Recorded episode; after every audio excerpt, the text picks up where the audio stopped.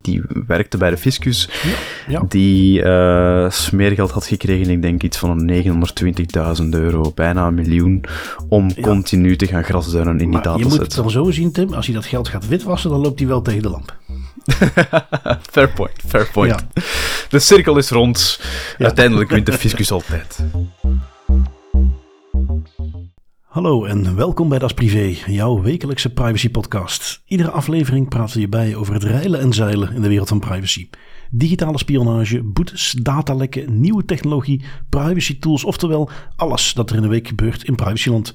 Ik ben Bart van Buitenen en samen met privacypiloot Tim van Haren hebben wij het privacy nieuws van deze week gecureerd en eruit gehaald wat er echt toe doet. En geheel in stijl hebben we deze week horrorverhalen uit privacyland. Fornuisgate komt bij het Hof van Cassatie. Kan men de privacywet gebruiken om onderzoeksjournalistiek tegen te gaan? Een beetje inspiratie voor de Belgische wetgever. In Nederland komt er een mooi bankair sleepnet om bankgegevens te verzamelen. Uiteraard allemaal in strijd tegen het witwassen. Verder nog wat Amerikaanse uitwassen van Uber en advertenties. Equifax die zijn eigen databrokerschap inzet tegen de eigen werknemers. Eh, Qatar gaat bezoekers trekken tijdens het WK. Hoe kan het ook anders? Kortom, privacyland is weer globaal en klaar voor een aflevering Das Privé. Ehm, we vliegen erin, Tim, met een eh, kleine update die je hebt genoteerd. Wij hadden het alles gehad over tracking pixels die op websites staan van ziekenhuizen, gegevens die ermee verzameld worden. En jij bent daar nog iets nieuws over tegengekomen. Klopt. Dat is eh, op een punt gekomen dat de, de Amerikaanse bevolking en een aantal Amerikaanse zorginstanties toch wel redelijk hard wakker zijn geschud. En ook dachten wat wij dachten, ja, dat kan absoluut niet door de beugel, dat zo'n tracking pixels overal staan op de websites en applicaties van eh, zorgverleners. Dus er is nu een Amerikaanse zorgverlener die in totaal 72 ziekenhuizen behelst en honderden zorglocaties. En die gaat al zijn 3 miljoen patiënten nu waarschuwen voor wat zij een datalek noemen dat veroorzaakt is door die tracking pixels op hun eigen websites en webapplicaties. En dat kan toch tellen en moet in mijn ogen toch wel een duidelijk signaal zijn dat er wel iets serieus aan de hand was. Ook al heeft Big Tech geprobeerd om dat wat te downplayen. Het idee dat jij tracking pixels gaat installeren op websites van zorgverleners al dan niet met medeweten van die zorgverleners, ja, dat eh, kan niet, hè. Nee, nee, absoluut. Eh, Goed, dat eh, krijgt dus nu zijn staartje. Op het moment dat ze het gaan melden als een datalek, ja, dan kun je er niet meer onderuit als big tech om te gaan insinueren. Ja, maar dat valt allemaal wel mee. Want daar zijn ze in Amerika niet erg gretig mee om dat soort dingen te melden als een datalek. Ehm, dus oké, eh, goed om te zien. En nog maar eens eventjes een reminder, want ook hier in Europa kan men zo'n tracking pixel al dan niet per ongeluk wel eens op zijn website hebben. Toch iets om even na te kijken. Ehm, uitgebreide artikeltjes, headlinertjes voor deze week. Ehm, privacywet kun je niet zo zomaar overal voor misbruiken. We zien dat natuurlijk heel vaak dat men aangeeft er is hier weer een privacy schending. Dat is ook heel vaak terecht. Maar soms probeert iemand dat te gebruiken voor een wat eh, duisterder doeleinde. Ehm, ik zag een uitspraak voorbij komen van het Hof van Cassatie, dus ondertussen bij eh, toch eh, onze hoogste Belgische rechtbank. Ehm, dat was een uitspraak die eh, gepseudonymiseerd was, zoals het dan goed heet. Daar stond alleen maar de, eh, eh, ehm, eh, god, in de, de mooie juridisch jargon ben ik het even kwijt. Maar goed, degene die de aanklacht had ingediend, een zekere EV. Nu in dan het bestaansnaampje stond gewoon Van der Paal. En dan hebben we het natuurlijk over Erik van der Paal. Ehm, tegelijkertijd, als je daar eventjes op googelt, vind je dat ook zo terug om wie het gaat. Dus eh, een datalek zullen we het zeker niet noemen. Ehm, in ieder geval, waar gaat dat over?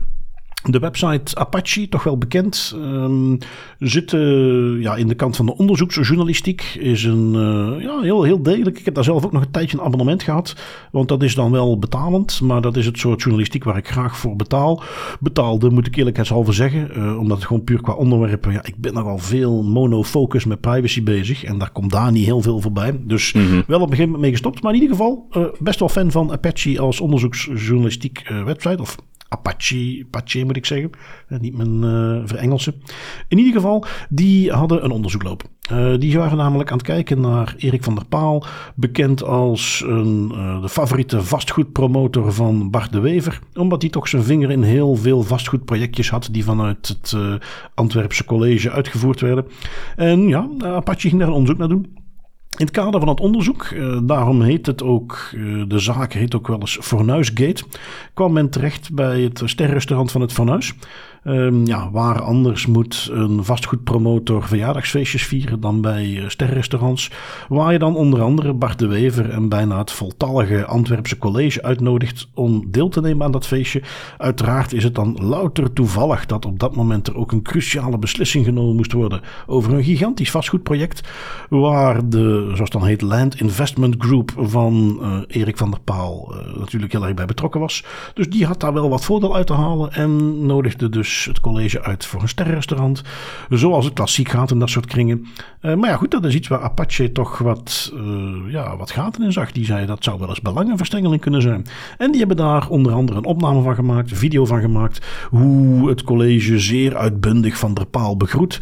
En ze gaven aan, ja, daar zit toch wel een zekere journalistieke relevantie. Gelet op de context die ik net schetste. Dus ze hebben daarover gepubliceerd. Um, wat toen gebeurde is wat je uh, ja, de klassieke slap zou kunnen noemen. Uh, slap is die terminologie die ze gebruiken voor uh, aanslepende rechtszaken die iemand aanspant om publieke participatie tegen te gaan. Bijvoorbeeld journalistiek. Um, wat betekent dat Apache dus ondertussen al bijna 70.000 euro kwijt is aan alle rechtszaken die, die Erik van der Paal heeft aangespant tegen hun. Die steeds op hetzelfde neerkomen. Ja, jullie hebben mijn privacy geschonden. Jullie hadden die opnames niet mogen maken. het Hof van Cassatie heeft daar nu eh, korte metten meegemaakt. Heeft aangegeven dat uh, er genoeg maatschappelijke relevantie is. Dat gelet op de positie van die man, gelet op het feit dat daar de hele politiek zo wat aanwezig was van het Antwerpse college. Uh, dat dit zeker onder de journalistieke vrijheid valt. Dat ze daarnaast ook nog eens gewoon op het trottoir stonden. Dus publieke ruimte toen ze gefilmd werden. Um, die is dus gewoon lopen gestuurd. Dat hij daar niks mee te zoeken heeft. opnieuw, Hof van Cassatie. Daar is men al heel wat stappen voor geweest. En Van der Paal houdt nog niet op. Die heeft er kennelijk echt een, uh, een, uh, ja, een vendetta van gemaakt om Apache het moeilijk te maken. En die heeft al aangekondigd dat hij nu waarschijnlijk naar het Hof van Justitie in Europa trekt. Um, waar iedereen uh, die twee vingers heeft op zijn vingers kan natellen dat dat niks gaat worden. Maar mm -hmm. het lijkt hem er alleen maar om te doen om zoveel mogelijk Apache het leven zuur te maken. Um, maar goed, in ieder geval vond ik toch een hele leuke om, om voorbij te zien komen. Um, uiteraard altijd heel pro-privacy, maar in dit geval leek er ook weinig discussie over het feit dat hier journalistieke vrijheid geheel op zijn plek is om inderdaad die opname te maken en daarover te publiceren. Ja, ik moet ook meteen gewoon altijd denken aan het uh, Barbara Streisand effect als ik zo'n zaken voorbij zie komen. Hè. Want uiteindelijk die Erik van der Paal, als ik dat goed heb gevolgd, die Fornuisgate, uh, fantastische naam ook trouwens, dan is dat eigenlijk oorspronkelijk begonnen omdat hij het niet kunnen vond dat zijn toch wel zeer nauwe banden met het Antwerpse college en met Bart de Wever zo in de kijker werden gezet, letterlijk. En om dan continu keer op keer weer processen aan te spannen tegen de website die het uiteindelijk heeft gepubliceerd, is het nog nooit zoveel in de media gekomen als dat het toen was geweest. Wat ik altijd een heel klein beetje ironisch vind. Door, door er zo lastig over te blijven doen, ga je het eigenlijk alleen maar meer en meer in de media brengen. Gaat meer en meer mensen te weten komen dat jij ja, ja, toch wel dikke vriendjes bent met het Antwerpse college en daardoor misschien af en toe eens een uh, voordelig oordeel krijgt over een van jouw vele projecten. Ja, het, het enige vind ik wat sneu dat voor dit soort dingen, ja, dat is dan de definitie volgens mij van rechtsmisbruik. Uh, ja. Dat voor dit soort dingen uiteindelijk zo'n relatief kleine organisatie als Apache daar het slachtoffer van is. Want mm -hmm. ik uh, kijk voor zo'n organisatie heel zeker dat dit uh, ten koste is gegaan van een heel aantal andere onderzoeken. Waar ze normaal gezien tijd en geld aan hadden willen spenderen. En dat is natuurlijk heel erg sneu. Daar, en goed, daar uh, is de jurist in mij niet genoeg van op de hoogte. Maar daar zou ik eigenlijk hopen dat er ja, meer middelen ter beschikking staan om je tegen zoiets te kunnen verdedigen. Want dat de verhouding hier helemaal scheef loopt tussen de partij die een aanklacht wilt indienen en de verdedigende partij, dat, dat mogen wel duidelijk zijn.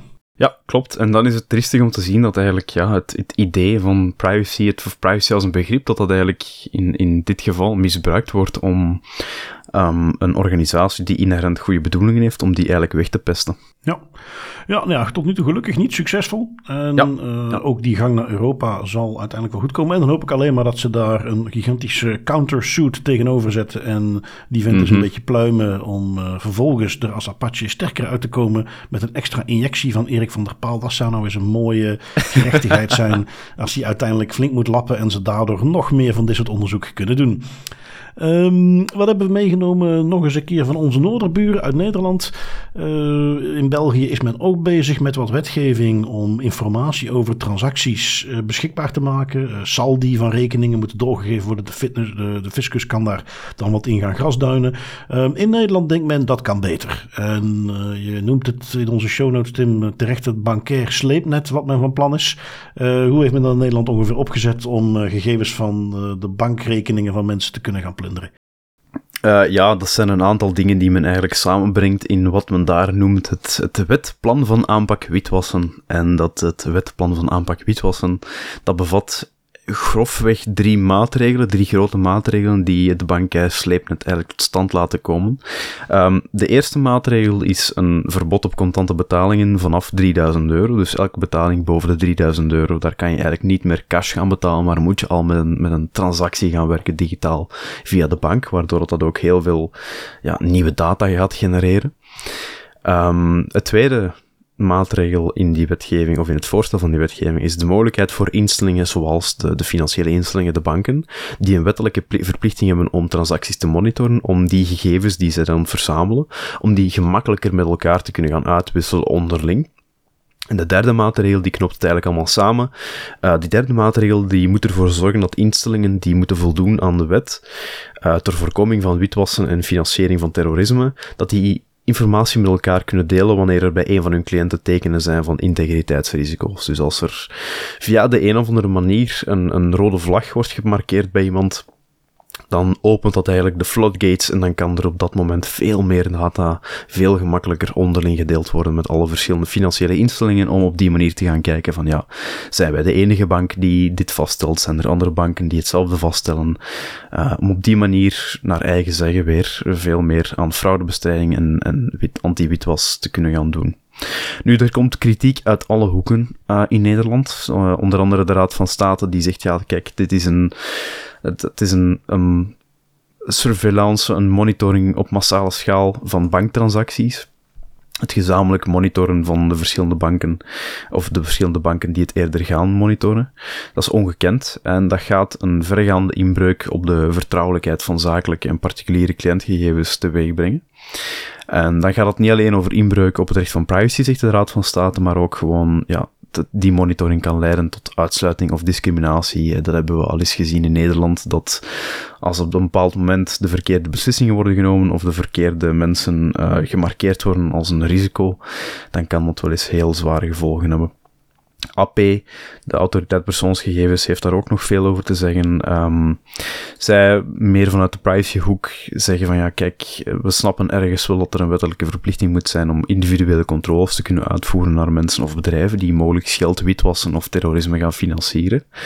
Um, maar dat deze bevoegdheden zo ver gaan, dat snapt de AP ook niet. Hè. Op basis van het voorstel kunnen banken onderling belachelijk veel gegevens plotseling gaan, gaan inkijken en gaan delen. Um, en dat brengt twee risico's met zich mee in mijn ogen. Je hebt aan de ene kant het feit dat al die gegevens dan verzameld moeten worden en ergens bewaard moeten worden.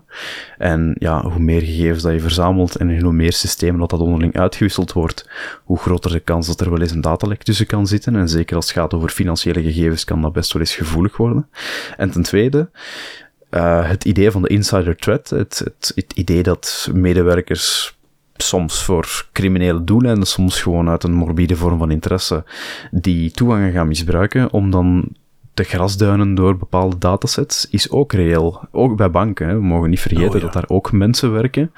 Uh, niet iedereen is daar perfect, dat kunnen wij ook niet verwachten. Dus het feit dat we nu zoveel meer data gaan openstellen en onderling gaan laten delen in systemen die toegankelijk moeten zijn voor mensen, betekent ook dat het risico op insider threats en het risico op mensen die dat wel eens zouden kunnen gebruiken voor ja, kwaadaardige doeleinden, dat dat ook groter wordt.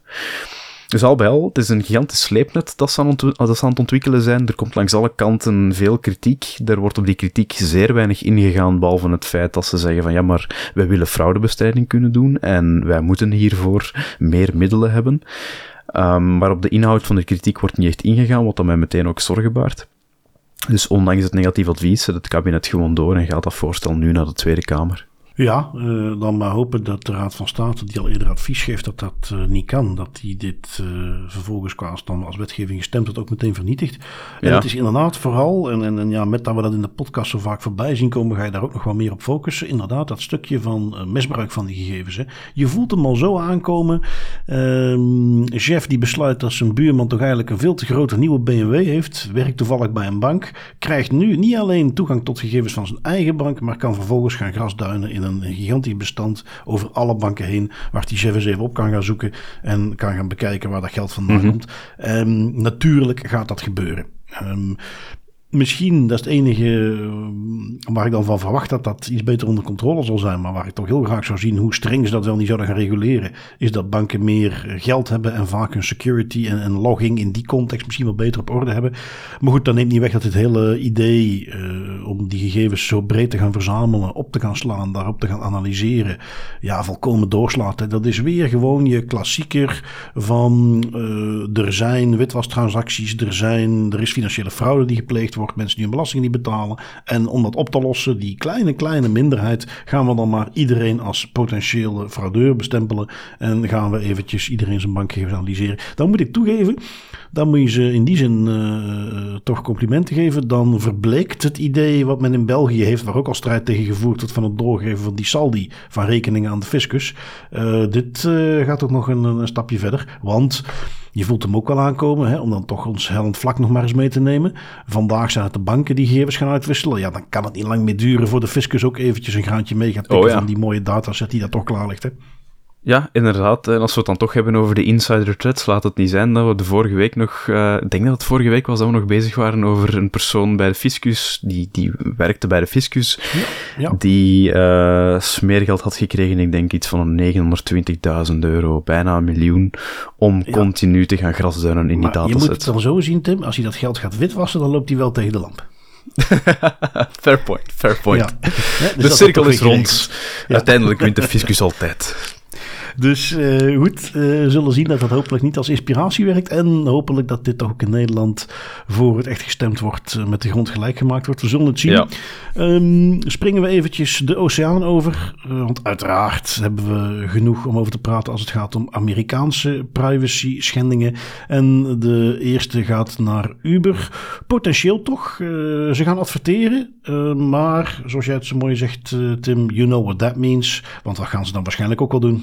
Ja, ze gaan uiteraard uh, lekker veel tracken. En laat het nu net zijn dat zij toch best wel veel nuttige, sappige informatie hebben over, over gebruikers van de Uber-app. Uh, Uber is uh, een, een, een, applicatie waarmee je iets kan bestellen dat lijkt op een taxi, maar waar de mensen die achter het stuur zitten veel te weinig voor betaald worden om te doen wat ze doen. En Uber, ja, Uber heeft um, al een redelijk rijke geschiedenis van toch proberen om hun winst te optimaliseren via verschillende verticals. Ze hebben van alles al geprobeerd. Uh, transportation focused. Uh, ze hebben een e-VTOL unit gehad, Elevate. Die hebben ze op een bepaald moment verkocht. Ze hebben e-bikes geprobeerd, dat hebben ze verkocht. Ze hebben ja, zelfrijdende ja, auto's. omzetten. Winst maken ze nog steeds niet. Nee, nee, nee, helaas. Het gaat over omzet. Het gaat over omzet. Winst is nog altijd een pipe dream, maar qua omzet zijn ze toch serieus... Allee, ze willen eigenlijk echt naar winst gaan. Hè. Dat is een van de, een van de redenen dat ze al die dingen proberen. Um, en ze hebben een heleboel bedrijfjes en spin-offs en dat hebben ze allemaal verkocht, omdat dat allemaal op niks trok. Dus dan blijft er nog maar één ding over. De good old, old-fashioned American way. We gaan gewoon tracken en adverteren à volonté. Dus dat is wat dat Uber nu van plan is. Um, met wat dat zij noemen de journey ads. Dan, dan moet je eigenlijk zien als een in-app uh, manier van adverteren. Dus je hebt de Uber-app waarmee dat je je Ubers kunt bestellen. en binnenkort is het dus de bedoeling dat daar dan ook op basis van de activiteiten van de gebruikers uh, en op basis van third-party datasets die ze kopen, dat er dan ook geadverteerd kan worden naar hartelust en dat die, dat die space worden aangeboden aan advertising companies. Als je, als je erover nadenkt, is het een wonder dat het zo lang geduurd heeft voor ze gaan adverteren. Ja. Ja, inderdaad.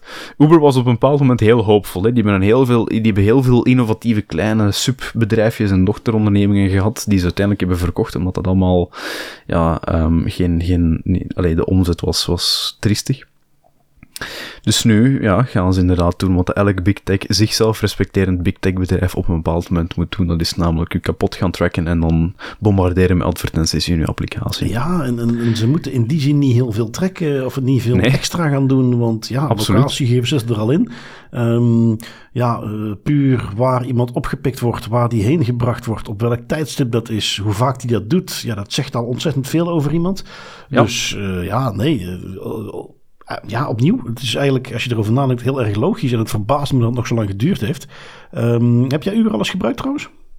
Uh, nee, nee, ik heb eigenlijk Uber nog nooit van mijn leven gebruikt. Nee. Dat is ook hier in België is dat ook helemaal niet zo'n ding. Je kunt dat wel eh, Uber Eats. In Brussel, denk ik.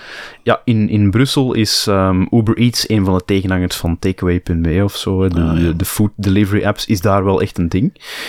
Um, maar het hele idee van, van het, taxi-alternatief spelen, dat is eigenlijk, ja, dat heeft eventjes geduurd en dat is dan crashed and burned, omdat de taxilobby's daar heel hard tegen waren en eigenlijk continu zijn beginnen protesteren daartegen totdat ze gelijk hebben gekregen. En ik denk dat er zelfs een oordeel is geweest. Ik kan zijn dat ik nu aan het lullen ben, maar ik dacht zelf dat er ergens een oordeel was dat Uber-chauffeurs in België evenveel betaald moeten worden als taxichauffeurs, of dat dat echt op een bepaalde manier geregeld moet worden. Ja, nou, ik weet in ieder geval wel dat op een gegeven moment er een soort heksenjacht was van Brusselse taxichauffeurs die via ja, een taxi bestelden om die chauffeur dan vervolgens eens even goed te vertellen was wat ze ervan vonden. En dat was niet alleen mijn woorden. Um, en nu zag ik toevallig recent een artikeltje voorbij komen dat ze een uh, overeenkomst hebben, een, een, CAO. Dus dat ze misschien uh, dat wat gelijk gaan stellen. Dat uh, de taxichauffeur zelf ook met Uber kunnen gaan rijden. Ik weet niet wat het was, maar ze hebben ergens een compromis. Um, wanhopig op zoek naar een manier om Uber dan toch nog winstgevend te maken. Ja. goed, ja, adverteren is het volgende. Um, ja, ik heb het zelf ook nog nooit gebruikt. Ik, ik, of als ik al eens een cursus doe of iets dergelijks en ik pak Uber, want er is altijd wel ergens een voorbeeldje waar je Uber kunt gebruiken over weer een privacy schending. Um, denk de, de, de klassieker was aan het verzamelen van gegevens van een telefoon. Uh, waarbij ze dan onder andere op het moment dat jouw batterij leger begon te gaan vanaf een bepaald niveau, dat de prijzen ook omhoog gingen van de ritjes. Uh, mm -hmm. Lekker ethisch gebruik is Uber niet vreemd. Um, en ja, nu dan uh, gaan adverteren. Um, nog maar eens een reden om die app voorlopig ook zeker niet te installeren, zou ik dan zeggen. Ja, inderdaad. Um, blijven we even in Amerika. Equifax. Equifax nog wel bekend uit 2000, goh, wat zal dat zijn? 16 denk ik. Van een mhm. gigantisch datalek waar heel veel gegevens op straat lagen. Um, voor de liefhebbers, dat had te maken met een uh, Apache server kwetsbaarheid die al wel als update beschikbaar was, maar die Equifax zelf niet had geïnstalleerd. Um, dat heeft ook nog een gigantisch staartje gekregen. Um, voor de rest, uh, Equifax, ja, voor degenen die het niet meer weten wat dat bedrijf doet, dat is eigenlijk een, een gigantische databroker, vooral bekend van hun credit monitoring service. Uh, ja, weer zo'n typisch Amerikaans gebruik ook een beetje Chinees natuurlijk, weten we ondertussen. Maar het, het, het principe van een credit score. En je kunt daar als, als, als persoon kun je je credit score opvragen. Dat is iets wat heel breed bekend is. Dat uh, iedereen, of jij nu een uh, auto wilt gaan kopen of een huis of zelfs kleinere dingen, consumentenkredietjes, die gaan allemaal bij partijen zoals Equifax, je hebt er uiteraard meerdere, gaan die dan kredietgegevens opvragen. Uh, dus ja, hun business is zoveel mogelijk gegevens verzamelen en die minen en verkopen. En ze hebben dat nu eens ingezet tegen hun eigen medewerkers. Ze hebben de afgelopen weken kwamen ze in het nieuws met dat zij eh, tientallen mensen hebben ontslagen na een eh, grootschalig onderzoek naar mensen die meerdere jobs hadden. Um, ze hebben dus uh, onderzoek gedaan. Ze hebben data van meer dan 100 miljoen Amerikanen. Met onder andere heel veel inkomensgegevens. Die zij gewoon maandelijks aangeleverd krijgen. Waar ze uiteraard voor betalen. Um, en ja, ze hebben onderzoek gedaan naar meer dan duizend eigen medewerkers en contractanten. Um, freelancers. Um, ze hebben er dan interviews mee gedaan. Uh, en ja, bleek dus kennelijk dat een aantal van die mensen een, een tweede, er was zelfs eentje die een derde job had, uh, naast hun gewone werk. Uh, het ging dan om remote workers, dus mensen die van thuis uit werkten. Of wat kennelijk gebeurde toen ze dan interviews hadden met mensen die op het lijstje stonden, kwamen ze erachter dat sommigen volgens Equifax dan inbelden vanaf hun tweede job voor het interview met Equifax, die onderzoek deed naar heb jij een tweede job? Wow. Um, voorbeeldjes van iemand die werkte als verpleegkundige verpleegkundige. Uh, iemand anders die zegt ik zit nu thuis, maar die leek in een office cubicle te zitten. Uh, Wat niet een office cubicle van Equifax was. Men oh ja, had dat onderzoek opgestart omdat er wat vermoedens waren uh, dat dat wel eens kon gebeuren. En is men dus grootschalig gaan monitoren. Uh, mensen die bijvoorbeeld veel te weinig gebruik maakten van de VPN om in te bellen in het netwerk. Bijvoorbeeld minder dan 13 uur per week. Terwijl ze wel x aantal dagen van thuis uit zouden werken. Um, die kwamen op het lijstje terecht. Um, een aantal mensen zaten zelfs in de cybersecurity afdeling. Hè, nadat Equifax in 2017 uh, die, dat datalek had, hebben ze die afdeling flink uitgebreid. En ja, goed, op zo'n manier dat dat kennelijk uh, niet altijd goed onder toezicht gehouden werd. Um, mensen die dan daarover gevraagd werden, blijkt dat die zeggen van ja, we, we, waren eigenlijk helemaal niet van op de hoogte dat we dat niet mochten. is ook niet illegaal, maar Equifax zelf heeft een policy dat je daar toestemming voor moet vragen om een tweede baan te hebben moet je dan bij HR kennelijk uh, aanvragen. Um, ze hebben daar een van hun eigen producten voor gebruikt. The Work Number heet het. Dat is een, een, dienst die ze aanbieden. Weer een van de zoveel data broker dingen die ze aanbieden. Uh, waarvan ze zeggen van ja, eh, wij iedere maand ontvangen wij van 2,5 miljoen bedrijven. ontvangen wij de gegevens van inkomens van alle medewerkers. Um, en ja, dus dat, op die manier kunnen ze die data gaan minen en kunnen ze dat dus gebruiken. Klassiek als het gaat om hypotheken autoverstrekkers maken gebruik van die data. Uh, je kunt daar dan 55 euro kennelijk betalen en dan krijg je die informatie over iemand binnen. En dus hebben die gegevens nu zelf gebruikt om dus een onderzoekje te doen.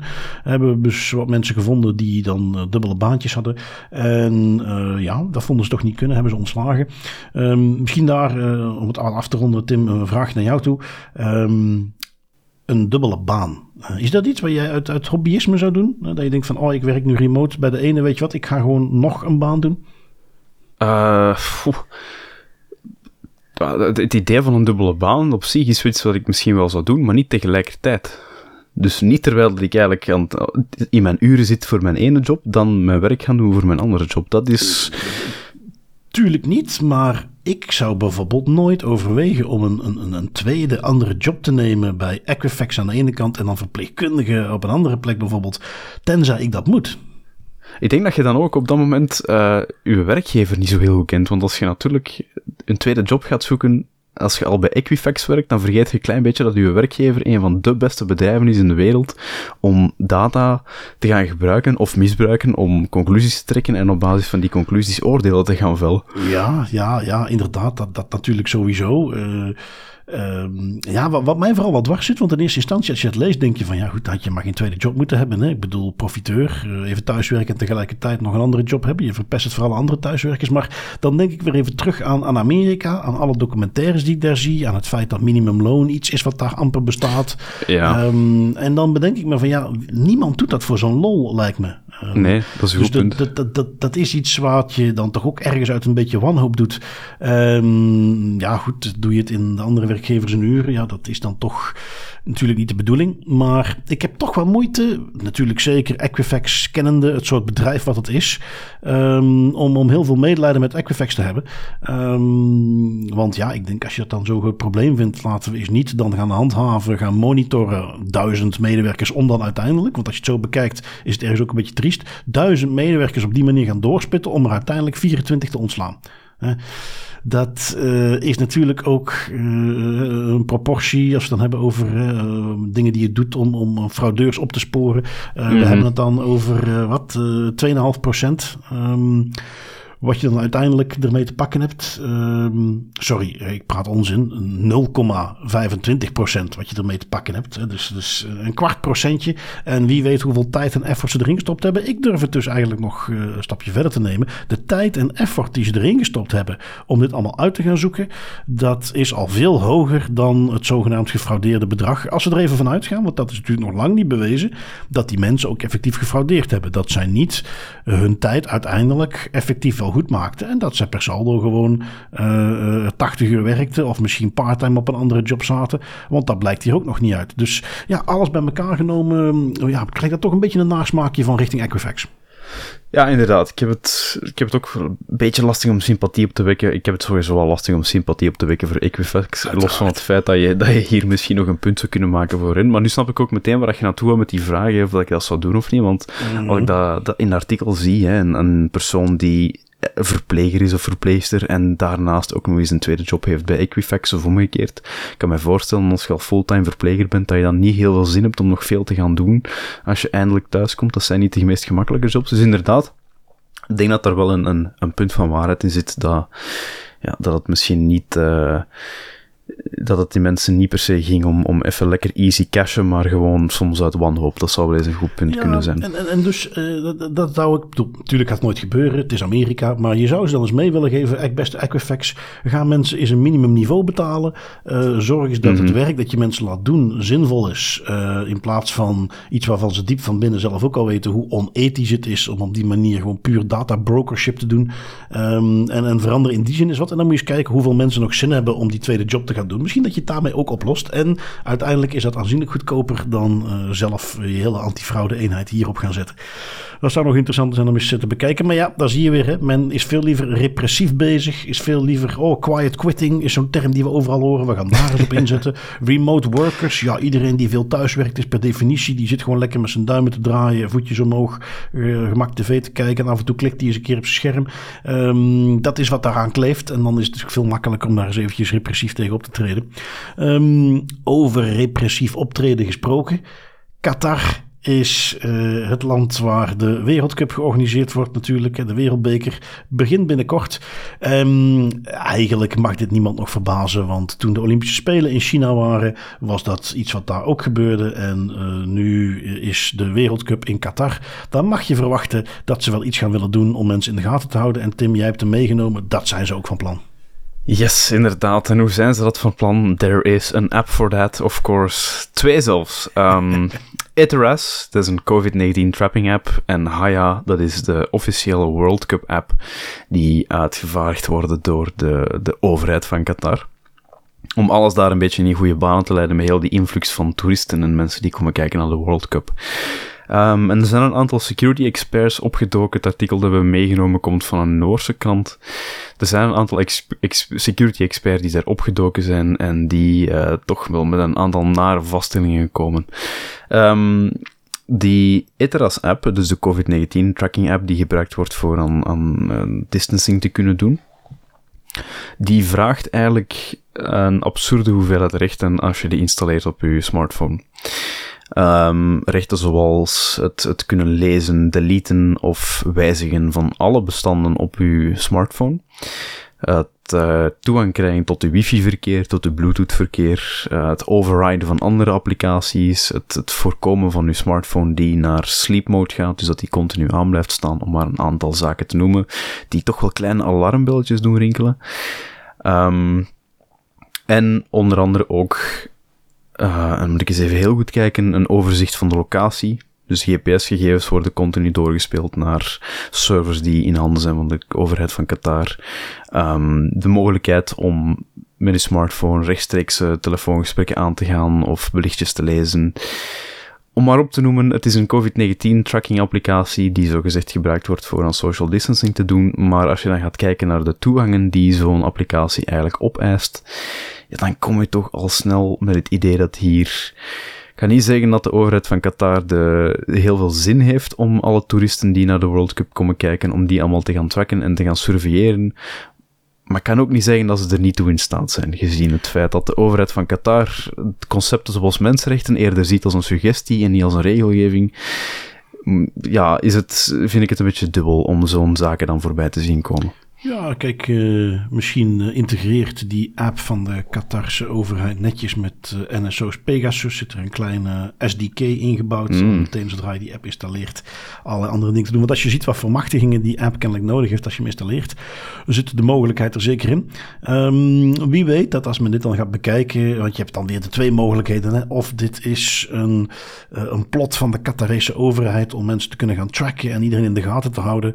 Um, of dit is gewoon het gemak van een developer die geen zin had om dingen granulair in te stellen. En die gewoon zei: je installeert die app, geef mij alle rechten en dan kan ik gewoon lekker makkelijk alles doen.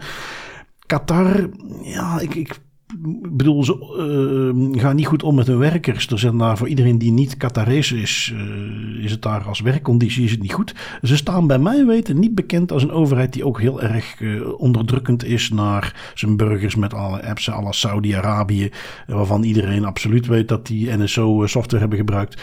Dus dan zou je hier nog kunnen denken dat het gewoon incompetentie is en niet bewust een plan om mensen in de gaten te houden.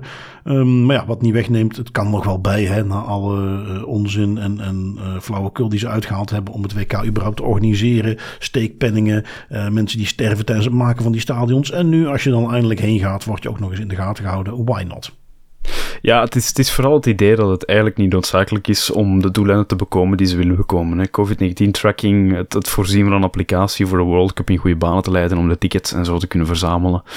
Um, dat kan allemaal met heel veel minder machtingen. En inderdaad, dan is de vraag of dat, hier gaat over een lui developer of een overheid die wel eens interesse heeft in alles wat er gebeurt op de smartphone van de bezoekers. Ja, misschien helpt het ooit te weten gaan komen dat hetzelfde idee dat we hadden. Ik denk dat dat aan het begin van de nee, niet in het begin, in de helft van de COVID-19-crisis was dat we um, in de podcast ook een aantal artikelen hebben meegenomen over de, de overheid in Singapore bijvoorbeeld, die eerst COVID-19-applicaties aanbood aan de bevolking om ze dan achteraf die data ter beschikking te stellen voor de lokale politie. Het zijn allemaal dingen om rekening mee te houden als je zo'n applicaties downloadt. Het, het, het, verhoogt vooral het risico dat die data die verzameld wordt en die toegangen die verschaft worden, dat dat uiteindelijk ergens down the road is misbruikt kan worden ja, mag eh, uiteindelijk niemand uh, nog verbazen. Um, ja, in ieder geval uh, iets waar ik niet snel op zou zitten te wachten om daarheen te gaan. Om dat daar te gaan bekijken met alles wat je er ondertussen over weet. Mm -hmm. um, we gaan even terug naar, ja, wat ik mag eigenlijk, ja, Europa is het nog wel, maar de Europese Unie is het niet meer, naar de UK. Um, waar ik een, ja, interessant is misschien het verkeerde woord, uh, maar waar ik een, een, een, interessant voorbeeld tegenkwam van het misbruik van gegevens. Uh, misbruik van wat rechten die voorlopig uh, in de UK, het is ook nog allemaal GDPR-wetgeving in feite, misbruik van het recht op inzage. Um, waar ging het over? Een, um, ja, een, een, een, zakenvrouw die uh, gewoon haar eigen zaak heeft. Die um, heeft kennelijk met een collega heeft die een affaire. of ze wel of niet getrouwd was, dat uh, wordt verder niet gemeld. Dus of het een affaire is of gewoon een relatie, dat weet ik even. Laat ik midden. In ieder geval, die had seks met iemand. Dat is kennelijk toch opgenomen. En op de een of andere manier, dat blijkt niet helemaal hoe dat gebeurd is. Maar beelden daarvan zaten ook in de mailbox. Um, wat is David West? Want naar goed Engels gebruik staan de namen van die mensen er gewoon in. Um, wat is die gaan doen? Die heeft via een inzageverzoek, waarin hij aan het bedrijf aangaf: uh, ik, ga, uh, ik wil een zaak opstarten, ik wil inzage krijgen in alle e-mails die mij betreffen. Um, heeft hij toegang gekregen tot een heleboel beelden, waaronder onder andere de beelden over uh, ja, de seks die ze gehad hebben. En die is vervolgens die dame daarmee gaan chanteren. Heeft uiteindelijk niet gekregen wat hij wilde. En is vervolgens die beelden ook door gaan sturen. En is dus naar mensen in het bedrijf, eh, naar klanten. Op basis van de informatie uit die mailbox. Is hij dat rond gaan sturen. Uh, de vrouw in kwestie, uh, ja, uiteraard zwaar vernederd. Durfde niet meer naar business meetings. Heeft daar mentaal gigantisch onder geleden. Had zelfmoordneigingen. Voelde zich ziek. Kon niet meer slapen. Nou ja, de dingen die je mag verwachten als op die manier beelden van jou rondgestuurd worden. Um, goed, dat is uiteindelijk tot een rechtszaak gekomen. Uh, die uh, man is ook veroordeeld. Heeft een omgevingsverbod gekregen voor die vrouw. moet 2000 pond betalen om de, hoe moet ik het noemen, um, psychologische bijstand te vergoeden. 1000 euro voor de kosten van de rechtszaak. Of 1000 pond voor de kosten van de rechtszaak. 57 weken in de gevangenis, maar met uitstel over twee jaar. Dus dat hij het niet nog eens een keer doet. Um, dat is uiteindelijk alles maar wat hij eraan overhoudt. Uh, waarbij ja, die dame in kwestie daar mentaal echt wel bijna aan, onderdoor is gegaan. Uh, de zaak ook eigenlijk op de klippen is gelopen. De dochter er in die zin ook last van heeft gehad. Omdat ze volgens het artikel natuurlijk bijna dakloos zijn geworden. Um, ja, uh, dus natuurlijk afschrikwekkend hoe ver dat is kunnen gaan. Maar vooral dat dat dan mis is gegaan bij het inzageverzoek wat werd gedaan door die man. En waarin die beelden kennelijk zijn verstrekt dat vond ik heel erg opvallend. Ja, dat was het eerste dat mij ook opviel toen ik dat eigenlijk las in de show notes en toen ik het u er nog eens hoorde over praten, is inderdaad dat, dat uh, je via een inzageverzoek eigenlijk toegang krijgt tot een mailbox van, begrijp ik dat dan goed, van iemand anders?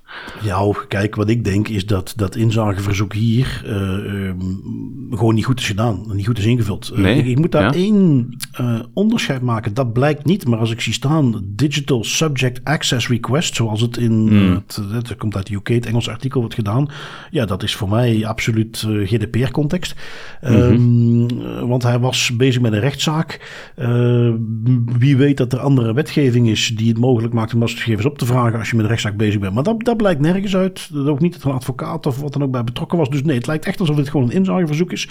Waarbij ik maar alleen maar kan bedenken dat dat inzageverzoek vervolgens ook helemaal verkeerd is ingevuld. Uh, want er staat helemaal nergens iets van gelieve even een kopie van de mailbox te geven. En dat lijkt wel precies wat er hier gebeurd is.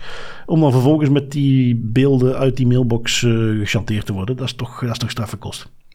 Ja, dat is inderdaad straffenkosten. Dat betekent ook inderdaad gewoon dat bij het feit dat bij de behandeling van dat inzageverzoek dan, dat niemand ook ja, is, is, heeft gekeken naar welke data ze nu eigenlijk vrij gaan geven aan iemand die misschien zelfs geen, geen recht had om die mailbox in te gaan kijken, want het is een andere nee, naam nee. verbonden aan die mailbox. Dus het is, een, het is jammer dat het een, eigenlijk, het lijkt wel een kettingreactie aan, aan dingen die fout zijn gelopen en die inderdaad hadden kunnen voorkomen dat er nu iemand rondloopt die if not permanent, heel lang uh, nog altijd last gaat hebben van dit, van dit feit. Ja, ik kan me dat heel goed inbeelden. Hè. Het, het, vrijkomen van naakbeelden, van seksbeelden, ja, dat heeft een gigantische impact op je sociale ervaring, op je omgeving, op je werk, zoals duidelijk blijkt. Ja, en um, nou goed, om daar misschien toch eventjes de das privé, das beter aan te koppelen. Uh, op het moment dat iemand een inzageverzoek doet, uh, ook als die zegt van ja, uh, we hebben mailtjes uitgewisseld, ik weet dat jullie gegevens over me hebben, daar wil ik graag een afschrift van hebben. In de wet staat het recht op kopie. Een paar kanttekeningen daarbij. Ten eerste is al lang vastkomen te staan in, in jurisprudentie dat dat niet betekent dat je een letterlijke kopie van alle documenten moet gaan verstrekken. Ja. Je mag gewoon de aard van de gegevens meegeven.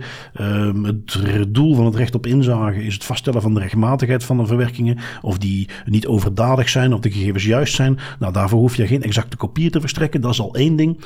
Um, daarnaast um, is ook al wat jurisprudentie geweest dat het feit dat jij e-mails opvraagt waar jij zelf in staat als ontvanger, dat je dan mag zeggen van ja, luister eens, dat is communicatie die wij hebben gedaan. Die heb jij gewoon. Die moet je niet hier nog eens komen over uh, opvragen. Dat is overdadig.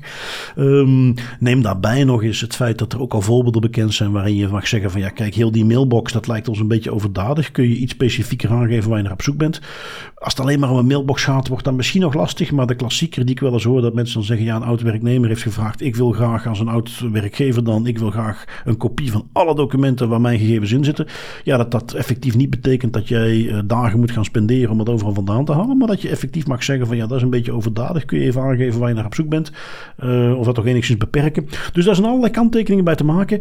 Waar men dus hier wellicht uh, ja, dat, dat niet goed heeft behandeld, maar waar de gevolgen dus eh, best wel heftig waren. Iets, iets trouwens wat um, ik vaker voorbij heb zien komen. Uh, ook onderzoekers hebben daar een experimentje mee gedaan, waarin ze dus bij wijze van spreken die subject access requests, de inzageverzoeken, uh, wilden weaponizen. En dus allerlei inzageverzoeken gingen doen onder valse namen die ze niet waren. En waren heel veel mensen uit, uit GDPR-angst, dat gaat nu hopelijk, is al een beetje gaan liggen, dan maar heel snel snel allerlei gegevens sturen zonder fatsoenlijk te verifiëren, is dit wel die persoon?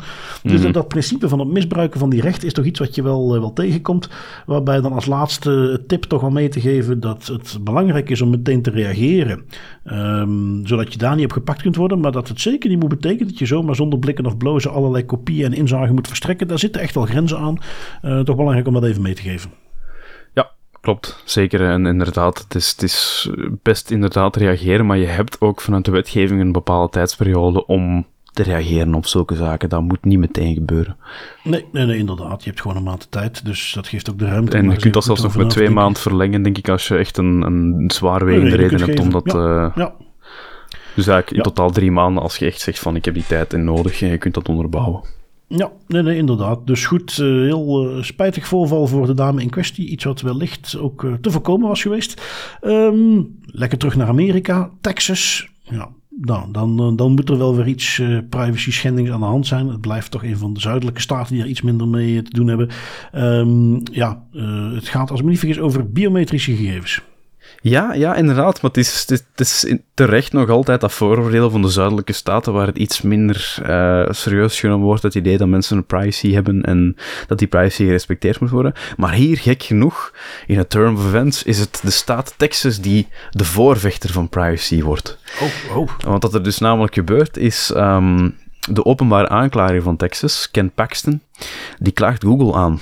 En die zegt namelijk in de aanklacht tegen Google dat het uh, al, al tien jaar lang niet meer is toegestaan voor bedrijven om zonder goed geïnformeerde vooraf afgeschreven toestemming biometrische gegevens te verzamelen en dat Google die in een, wat dat zij zelf noemen, een schaamteloze opstandigheid sinds 2015 nog altijd doet.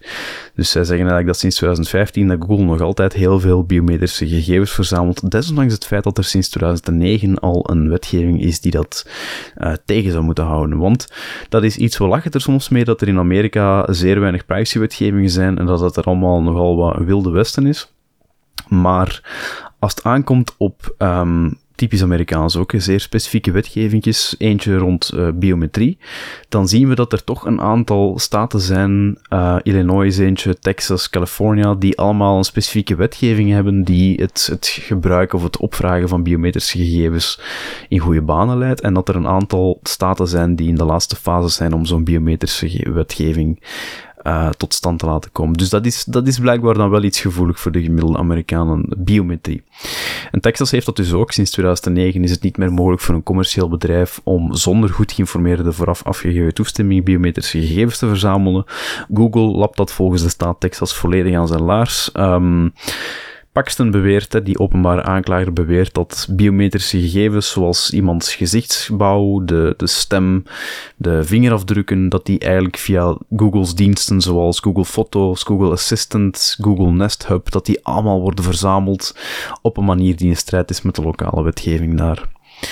En dan is Google's verdediging, ja, maar wij uh, vragen de mensen zeker en vast wel om toestemming en wij bieden uiteraard de mogelijkheid aan om de verzameling van biometrische data uit te schakelen en dan komt het allemaal uiteraard neer op hoeveel klikken heb je nodig om tot de juiste instelling te komen, om het feit dat je biometrische data vrijgeeft om dat uit te zetten en hoe gemakkelijk en hoe transparant is het geven van die toestemming, want ja, het, het geven van toestemming in Amerika is nog een heel ander beestje dan hier in Europa, denk ik.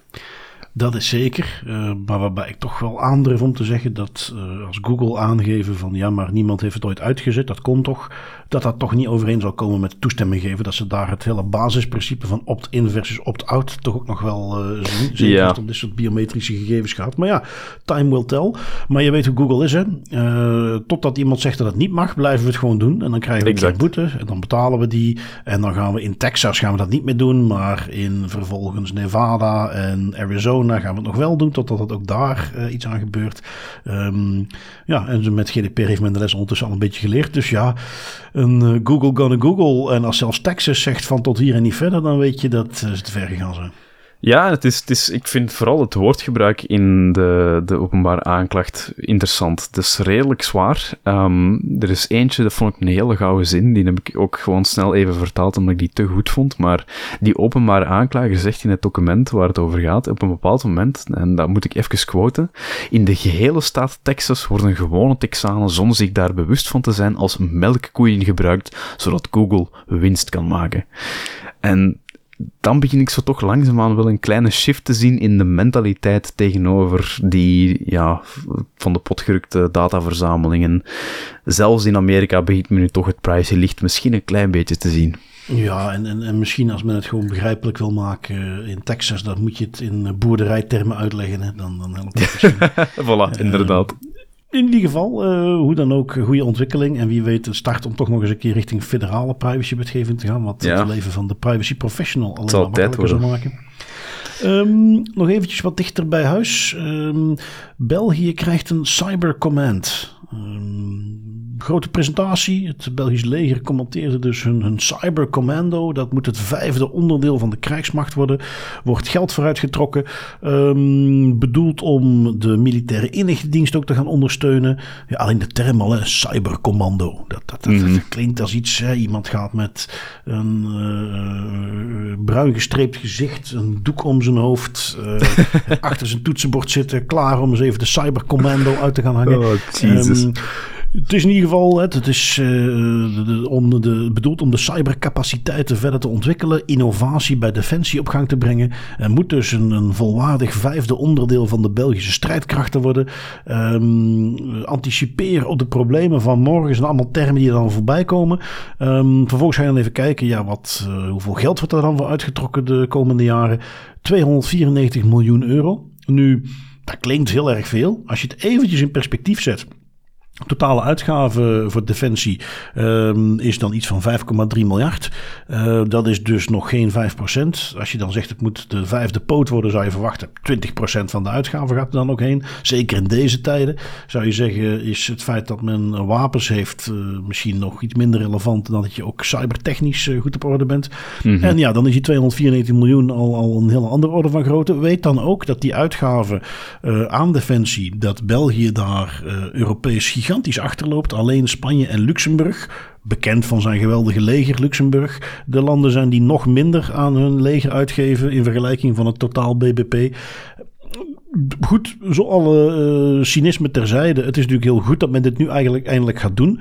Um, maar het is iets wat misschien uh, iets minder breed aangekondigd hoeft te worden dat het nu gaat gebeuren. Rol het eerst maar eens uit. Uh, laten we eventjes, en dat is toch de vergelijking die we natuurlijk al snel maken, omdat die ook in de podcast heel veel voorbij komen. Als ik ga kijken naar wat de AIVD doet, hoe de Nederlandse cyberafdelingen bij zowel de politie als het leger als bij inlichtingendiensten zijn, dan hebben we heel, heel, heel wat dus laten we die maar eens eventjes heel grondig uh, groot uh, in gaan halen.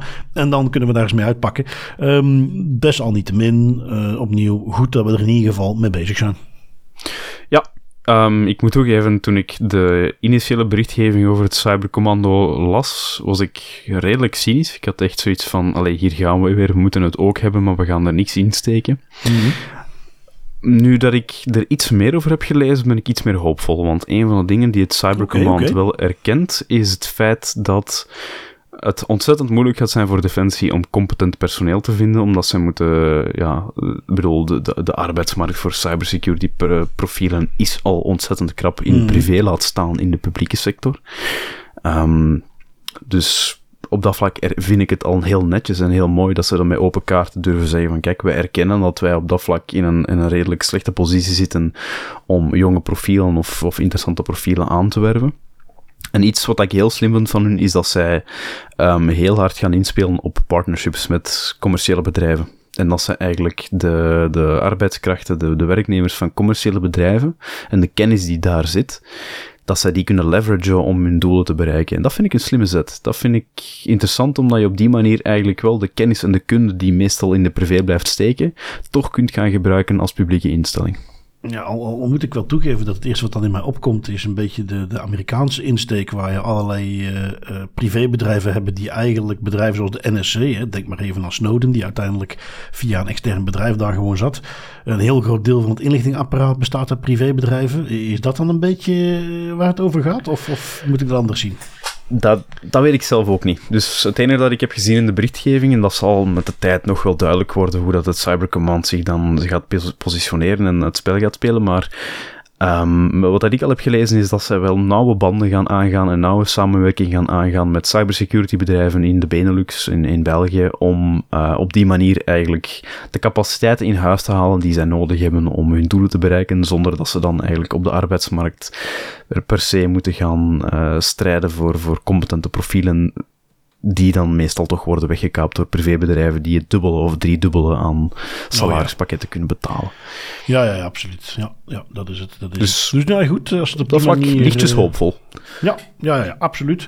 Um, dus uh, goed, uh, als we dan eventjes het cynisme parkeren, zijn we toch allebei er wel gewoon uh, blij dat er nog iets mee gedaan wordt en, en dat dat de komende jaren zich mag ontwikkelen.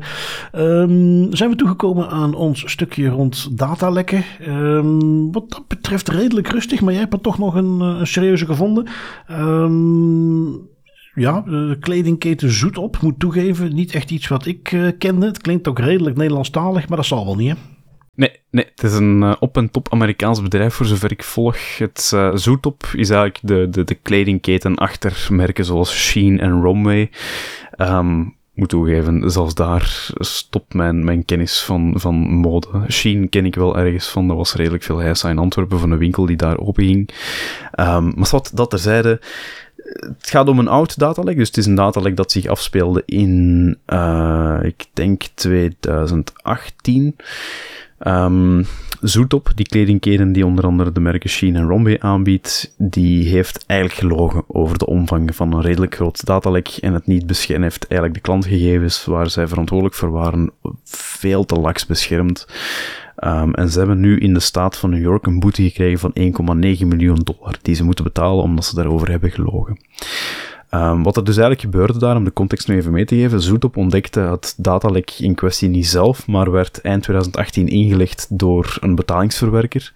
Nadat die betalingsverwerker zelf door een creditcardmaatschappij was gewaarschuwd voor een datalek. Criminelen waren namelijk aan de haal gegaan met klantgegevens van Zoetop, waaronder de creditcardgegevens, namen, e-mailadressen en slecht gehashte wachtwoorden.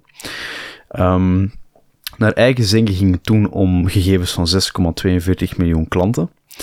Nu, een jaar later, in juli van 2019, bleek dat het eigenlijk ging om de gegevens van 39 miljoen klanten. Kleine miscalculatie, je kunt wel eens verkeerd zijn in je telling, maar 39 miljoen is toch iets meer dan 6,42 miljoen. En verder onderzoek wees dan ook nog eens uit, nadat aan het licht was gekomen, die leugen, dat Zoetop um, slechts een fractie van de getroffen klanten had gewaarschuwd en van geen enkele van die account de wachtwoorden had gereset long story short, Zoetop heeft een datalek. Dat datalek wordt initieel gerapporteerd als een klein, relatief klein datalek van maar 6,42 miljoen klanten. En het blijkt uiteindelijk toch 39 miljoen klanten te zijn. Daar hebben ze keihard over gelogen, hebben ze altijd staalhard genegeerd en dan krijgen ze nu een boete van 1,9 miljoen dollar voor. Ja, klinkt uiteindelijk, als je de Amerikanen de tijd ziet, ook weer niet uh, super duur, die boete. Maar goed, uh, in ieder geval gebeurt er toch iets mee. Um, eventjes door naar onze autoriteiten. You will respect my authority! En uh, waar ze in Europa, en in dit geval dan uh, in Griekenland, een aanzienlijk hoger bedrag over hadden voor onze favoriet Clearview. Uh, je hebt hem meegenomen. Clearview dus ook in Griekenland nu op de bon. nee, in Frankrijk. Dus het is de Clearview AI. Oh, sorry, ja, inderdaad. Ja, inderdaad. Hè. De, de Griekse autoriteit die, had al eens een boete opgelegd. Ja, en het is nu de Franse. Het is, uh, ik denk dat we dat vorige week, ik weet niet meer of dat we dat ook al hadden gezegd, dat dat toen ook de Franse autoriteit was. Want ja, op den duur weten we echt niet meer welke autoriteiten al een boete hebben gegeven en welke in de startblokken zitten om de boete te geven. Maar dus voor de goede orde, de Italiaanse, de Griekse en als je het, ja, of dat dan Europees is of niet, dan laat ik aan de luisteraar over. Maar de Britse autoriteiten hebben allemaal Clearview AI al eens een boete gegeven. En nu Frankrijk joins the ranks, geeft ook eens een boete van, uh, ik denk, 20 miljoen euro. Ja. Voor dezelfde redenen, hè, voor het feit dat Clearview AI gewoon schaamteloos ging lopen met de publiek beschikbare gezichten van honderden duizenden Europeanen. En in gehele stijl van wat de andere Europese autoriteiten ook al eens hebben gezegd tegen Clearview, is dat Clearview dus die boete moet betalen en de gegevens van alle Franse gebruikers of van alle Franse betrokkenen moet verwijderen en geen gegevens van Franse betrokkenen nog mag verwerken in de toekomst. Ja, uh, het enige wat ik daar iedere keer bij dit soort dingen over te zeggen heb, of op mezelf afvraag, is van waarom moet het per autoriteit gebeuren? Doe dat gewoon in één keer. Ja. Um, en daarnaast, um, ja, ik, die boete, ja, die wordt natuurlijk niet betaald. Hè. Uh, ik, want ondertussen Clearview zou al lang failliet moeten zijn als ze die boete effectief betalen. Misschien dat er tegen al die boetes in de betreffende landen ook nog allerlei beroepsprocedures lopen, dat ze er daarom mee wegkomen. Maar ik heb zo heel sterk het gevoel dat die boetes nooit betaald gaan worden. Ja, maar dat, en ik vind, dat, ik vind dat wel best een gevaarlijk idee, hè, want dat is, dat is inderdaad... Um je met een, een techbedrijf zit dat eigenlijk de, de wetgevingen, de lokale wetgevingen van een land of van een, van een continent gewoon aan zijn laars kan lappen. Dan zijn filialen in Europa sluit en vervolgens met de insights of de modellen die ze hebben getraind illegaal gaat lopen naar het buitenland. Ja, dat, is, dat vind ik een redelijk gevaarlijk signaal. Dat je eigenlijk zegt van ja, je kunt boetes ontwijken als je snel genoeg bent. Ik vind, ja, uh, ben heel benieuwd of men daar ooit iets tegen gaat doen. Wel, wat ik verwacht, is zoals dat bij, bij uh, de erkenning van internationale rechtbanken gaat, uh, bij erkenning van de Europa uitgesproken boetes, waar Google een door de commissie opgelegde mededingingsboete echt wel betaalt. Um, ik denk dat dat te maken heeft met uh, straks, als er weer nieuwe onderhandelingen zijn op internationaal niveau, daarin gaan inschrijven van let op, wij verwachten wel dat jullie de uitspraken van onze Europese autoriteit op dat gebied erkennen. Um, of dat daar eens een keer een procedure voor in gang gezet moet worden. Um, en, en, wie weet dat wij daar gewoon niet genoeg van af weten en dat dit soort dingen uiteindelijk wel degelijk betaald worden. als er wat dat betreft een luisteraar is die wat beslagen is in internationaal recht, hoor ik graag hoe dit soort dingen afdwingbaar zijn. lijkt me heel interessant om eens op in te zoomen. Mhm. Ehm, de ICO in Engeland heeft er ook opeens zin in. Dit is nu toch al recent, de tweede miljoenenboete die ze uitdelen. Waar daar eigenlijk met dan de grote namen die ze een tijdje terug hadden. Die hotelketen Marriott die een boete kreeg, British Airways. Maar voor de rest was het echt wel stil in miljoenenboetes. Nu laatst eentje die we ook hadden meegenomen. En nu weer een nieuwe. Um, een uh, bedrijf wat een boete krijgt voor 4,4 miljoen. Een redelijk klassiek verhaal. Um, men heeft te maken met ransomware. Die uh, boete, het gaat om een constructiebedrijf. Een beetje klassiek doelwit van ransomware. Um, worden uh, gechanteerd. 113.000 medewerkers, natuurlijk geen klein bedrijf. hun gegevens zijn uiteindelijk op straat beland. Ze hebben daar wel netjes aangifte van gedaan. ze hebben een melding gedaan. En, en dat is een interessante trend die ik toch heel veel zie in Europa tegenwoordig. Dat steeds meer autoriteiten op het moment dat je een melding doet, daar dan onderzoek naar gaan doen. En gewoon alsnog een boete opleggen. Iets wat je in het begin helemaal niet zag. Je deed een melding en daar hoorde je niks meer van. Iets wat in België bij mij weten nog steeds zo is. Ik heb zelf nog steeds geen weet van een melding die gedaan is. Waar buiten een berichtje of iets van hé, hey, dat moet je verbeteren. Maar waar echt een boete voor is opgelegd kan niet lang meer duren, denk ik dan. Eh, want we zien het echt in heel Europa. En, en goed, dat is hier dan ook gebeurd. Um, waar men dan uiteindelijk heeft geconstateerd in het onderzoek dat men getroffen werd door ransomware, omdat de beveiliging niet op orde was. Dat dat dan de aanleiding was voor het uiteindelijke lek natuurlijk. En ja, 4,4 miljoen uh, boete. Um, als je het vergelijkt, uh, ze hadden, uh, als ik me niet vergis, een, een, ransom gekregen van 60 miljoen. Uh, een van de grootste tot nu toe. en hebben ze dan, mm. neem ik aan, niet betaald, aangezien de gegevens gelekt werden. Dus in die zin is het goedkoper, maar toch nog een, een serieus lekje. Ja, inderdaad, een, een serieus lekje. En ja, ik, ik vind dat altijd. Ah, ik snap het, hè. Het, je moet, de, je moet het, het ergens misschien wel afstraffen, het feit dat, dat zaken slecht beveiligd zijn, maar ik vind het altijd zo een klein beetje natrappen als bedrijf al slachtoffer is geworden van ransomware, om ze dan nog eens een stevige boete te gaan geven. Ja, het zal ervan afhangen hoe nalatig het bedrijf was, denk ik, naar mijn gevoel. Ja, eh, het lijkt gewoon een, een, algemeen eh, teken te zijn in Europa dat men zegt, we hebben dat nu lang genoeg op het moment dat je gewoon een datalek had, je melden het, oké, dat is stap 1, dat hebben de mensen nu meestal op orde, maar we willen niet de indruk gaan laten leiden dat je vervolgens je melding doet en dat daarmee de kous af is. Het wordt, we gaan mhm. nu een stapje hoger, we zijn vier jaar verder, vanaf nu gaan we er effectief onderzoek naar doen. Ik denk dat dat een beetje is de teneur die erachter zit en opnieuw, waarom ik dus ook verwacht dat we dat in België binnenkort echt wel uh, ook op die manier gaan zien. Um, die autoriteiten spreken met elkaar, volgen dezelfde aanpak, dus dat is iets wat ik zeker wel verwacht. Um, misschien dat ik daar met een scheef oog naar aan het kijken was, maar dat ik daar straks over Griekenland begon, omdat uh, de laatste boete die we hebben meegenomen komt uit Griekenland. Een Griekse bank liep tegen de lamp. Uh, je hebt hem meegenomen, Tim. Wat voor stoutigheid hadden ze uitgehaald? Ja, het is, het is een uh, bizar geval, moet ik toegeven. Het zijn drie Griekse banken die allemaal dezelfde hoeveelheid van, de, van uh, dezelfde boete hebben gekregen. Allemaal moeten ze 20.000 euro dokken van de Griekse autoriteit. Um, en wat er daar eigenlijk was gebeurd, is die Griekse banken, die bieden allemaal um, creditkaarten aan, een speciaal type creditcard. En wat daar speciaal aan is, is het feit dat de laatste 10 transacties, die worden opgeslagen op de chip van uw kaart, om die achteraf voor de een of andere reden te kunnen uitlezen. En dat was helemaal niet duidelijk gecommuniceerd naar de betrokkenen toe. De betrokkenen had daar ook nooit zijn toestemming voor gegeven, lees ik in het, uh, het boetebesluit van de Griekse autoriteit. En was dus eigenlijk een, een, een overtreding van het transparantieprincipe en het informatieverplichtingsprincipe. En daarvoor krijgen ze alle drie een boete van 20.000 euro. Klinkt nog redelijk bescheiden als je dan denkt dat ze recent nog 20 miljoen hebben opgelegd. Misschien dat het quotum vol was. Um, het zij zo. Um, goed, dan hebben wij nog uh, een paar privacy pointers. Um, ik ben benieuwd, wat heb jij meegenomen Tim? Want volgens mij hebben wij allebei nog eens een keer een toeltje. Ja, ja, inderdaad. Het is, het is langzaamaan, met dat we de podcast langer en langer doen, lastiger aan het worden om leuke tools nog te vinden. Um, maar deze vond ik eigenlijk wel grappig. Dit is uh, een tooltje en dat heet TrackThis. En dat is een website um, gebouwd door het team achter Mozilla Firefox. En wat TrackThis eigenlijk doet, is dat geeft u een aantal knoppen met een aantal profielen. En dan kan je, en als je op een van die knoppen klikt, dan kan je, um, dan opent dat 100 tabbladen in uw browser. En het idee is dat je eigenlijk voor een aantal dagen in de schoenen kan staan van een van de vier archetypes die je kiest. En dat je dus ook de advertenties krijgt die uh, toebehoren aan een van die vier archetypes. En die archetypes die zijn Hypebeast, Filthy Rich, Doomsday or Influencer.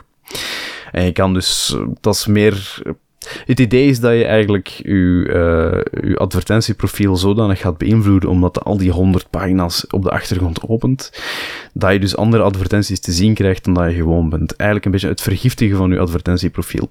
Ze waarschuwen daar meteen, dat werkt maar voor een aantal dagen, want je gaat gewoon daaraan terugsurfen op het internet en je advertentieprofiel begint zich terug aan te passen op basis van wat er dan daarna getracked wordt.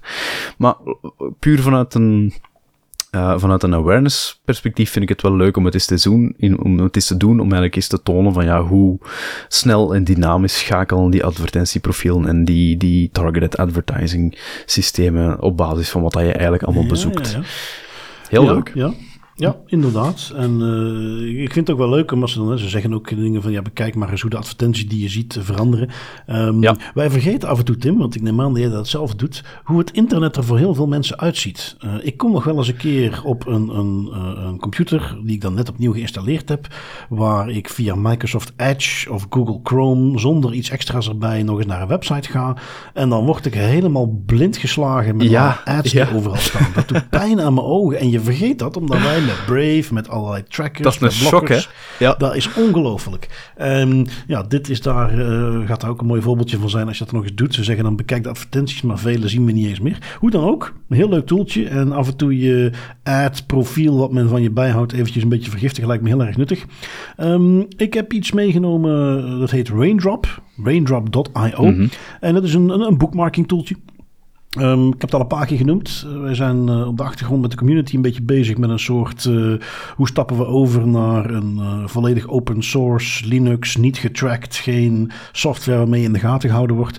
Um, dat betekent dat mijn favoriete bookmarking tool, die ik gebruik om alle artikeltjes voor onze show te verzamelen, voor alle opleidingen die ik geef, waarin ik alle interessante guidance van autoriteiten en boetes en dergelijke bijhoud, noem allemaal maar op. Dat is voor mij echt wel een integraal onderdeel van hoe ik werk.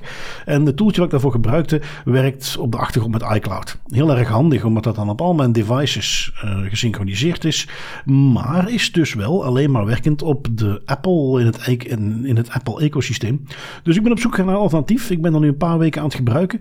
Um, ja, dat heet uh, Raindrop. Um, doet precies wat het hoort te doen, is open source kun je multiplatform op al je toestellen installeren, welk operating systeem er ook onder zit. En helpt je dus om via tags en, en, en uh, alle manieren om te sorteren, al je bookmarks bij te houden. Um, open source zei ik al, uh, ze benadrukken dat zij op geen enkele manier data verkopen.